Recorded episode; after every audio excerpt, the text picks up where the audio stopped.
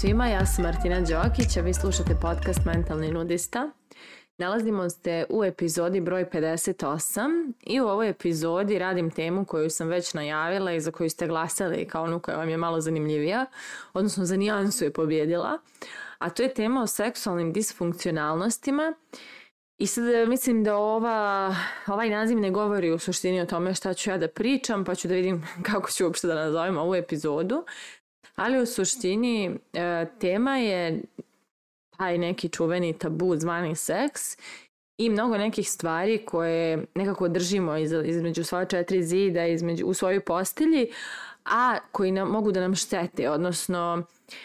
neke teme koje nas na neki način uznemiravaju, komplikuju nam možda zdrav neki seksualni odnos i zdravo intimu,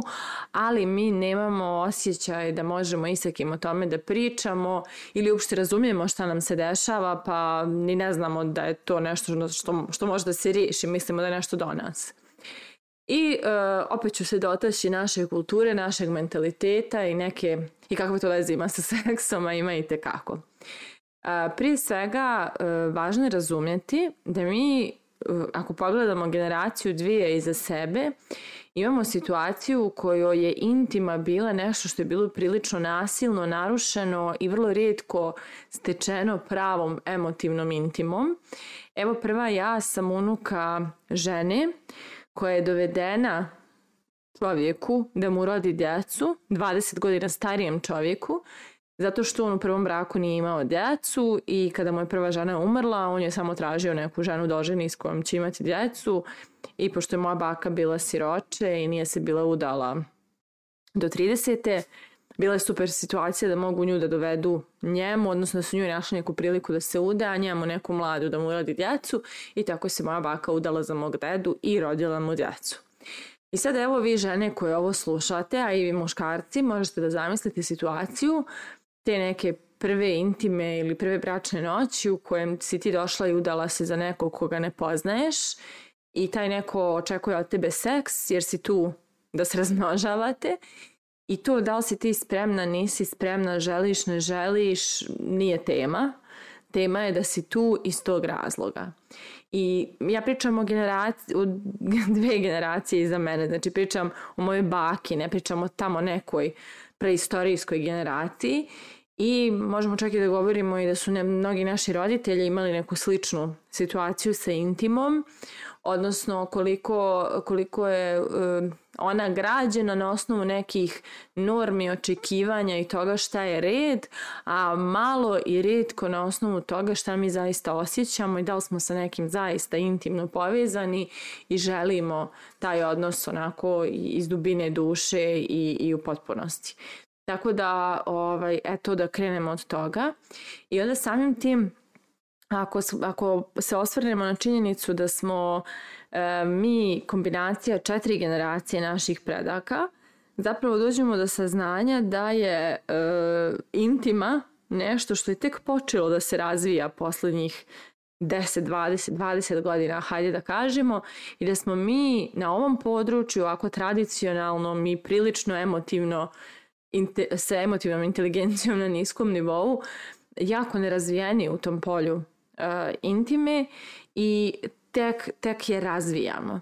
Tako da, um, u skladu s tim, mnogi naši, neki naši seksualni problemi, izazovi, zbunjenosti, strahovi, nesigurnosti, stegnutosti, pa možda čak i neke fizičke disfunkcionalnosti su nešto gdje često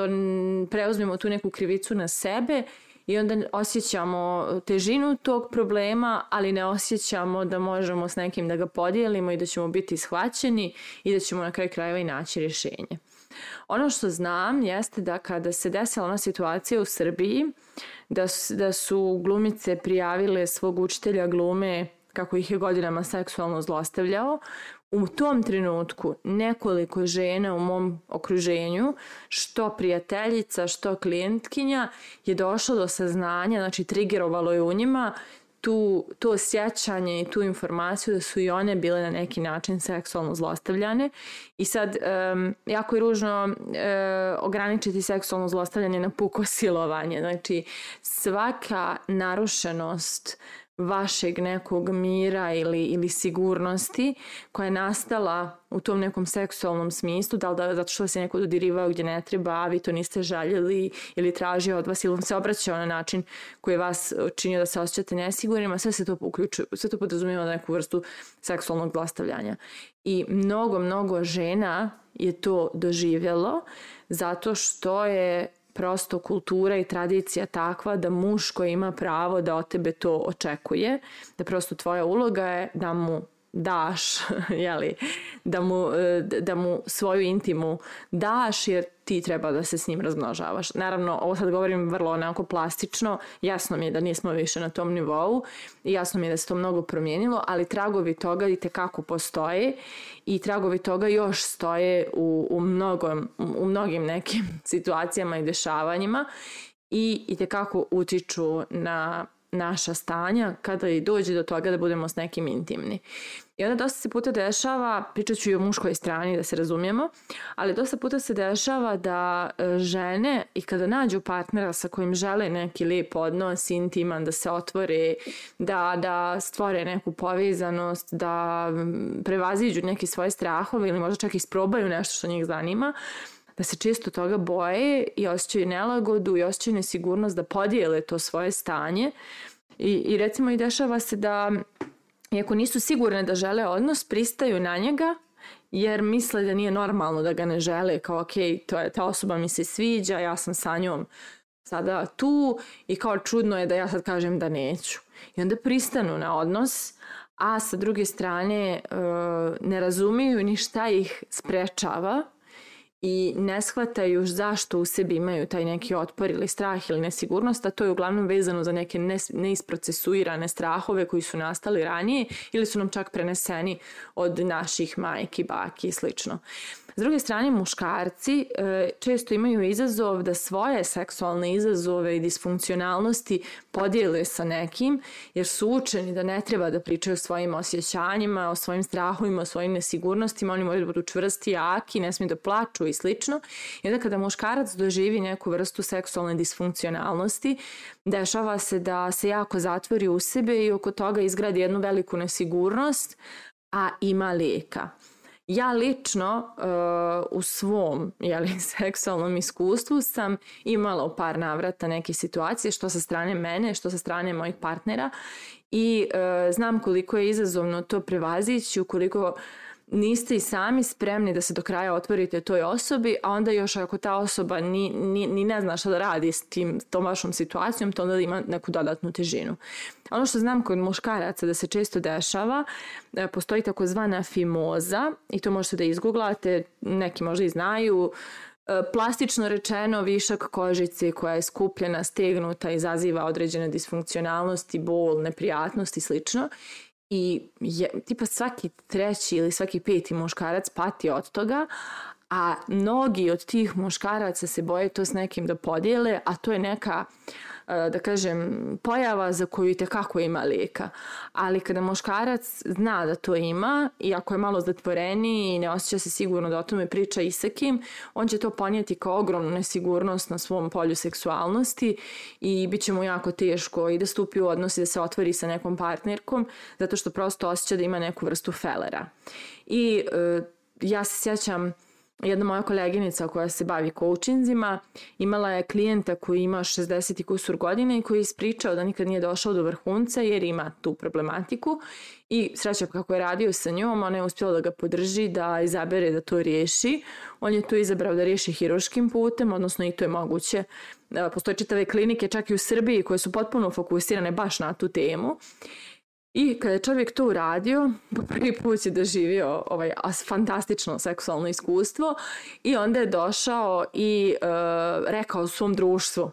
da se to desilo, da je on imao taj problem, da je to riješio. Ispostavilo se da još dva njegova prijatelja imaju istu situaciju i da isto nisu pričali ni sa kim i samim tim uh, uh, živjeli su tako, ograničeni time.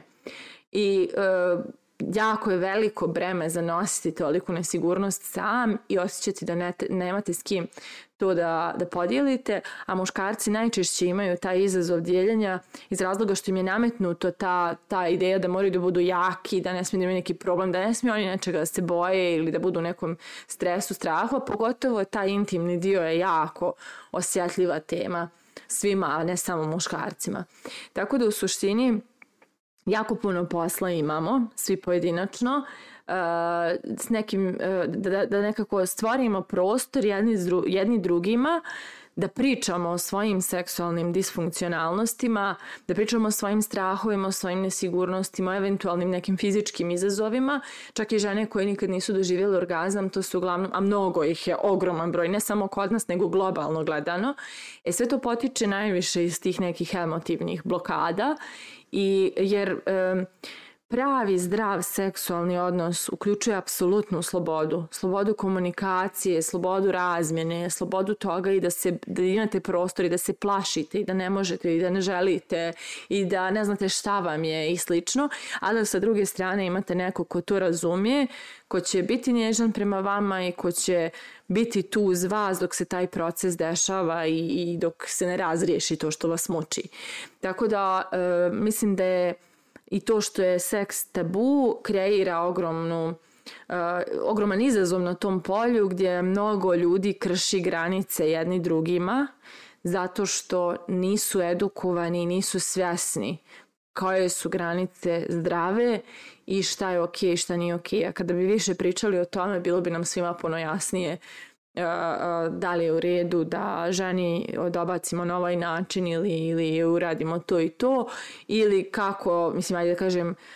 kako da i ako smo muško imamo neki problem da postoje partnerke i žene sa kojima kada se povežemo intimno i emotivno će kako to razumjeti i biti nam najveća podrška da to prevaziđemo. Tako da u suštini uh, razgovor i otvorenost da pričamo o tome, da dijelimo te stvari je ogromno, ogromno polje koje tek treba da stvorimo. I ja prva sam godinama imala neke izazove jer ja imam jednu seksualnu traumu, odnosno kada sam tek počela se razvijam i kada sam bila u pubertetu, desila mi se jedna ružna situacija sa starijim muškarcem koja je na mene se odrazila tako da sam ja uh, kada bi me neki stariji muškarac, a sad ne pričam stariji 20-30 godina, nego nebitno 6-7 godina stariji muškarac koji bi malo onako otvorenije pokazivao da ga privlačim kao žena, ja sam se tada osjećala uvijek ugroženo, jako ugroženo i u ogromnom stresu, iako bi preko puta mene neko ko se sasvim prirodno, ljubazno i normalno ponaša, samo me validira kao privlačnu ženu. I tek kada sam razriješila to svoje stanje ugroženosti koje je bilo trigerovano odnosno tu traumu koju mi je triggerovalo svaki put kada me neko tako validira kao ženu, e, tek tada sam nekako osjetila da sam ja zaista i postala žena. Jer je ta neka ideja moje seksualnosti koja me dovodi u stanje ugroženosti razrešena i počela sam da vladam svojom seksualnošću i da se osjećam dobro jer je imam. Tako da,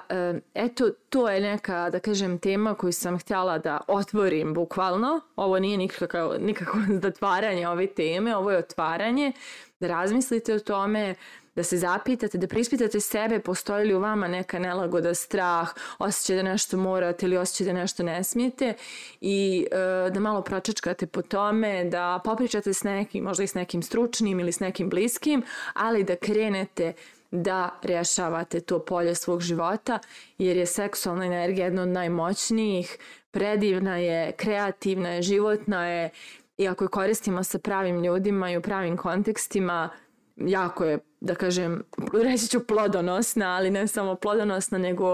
e, e, e okrepljuje i dušu i tijelo. Tako da, e, evo moje pitanje za kraje, da li imate s kime da dijelite te izazove ukoliko ih imate, da li znate da budete prava podrška ljudima oko vas koji možda imaju takve izazove ili ipak e, sjedite u mraku s tim temama i pravite se da ne postoje. Mislite o tome, a mi se družimo u narednoj epizodi.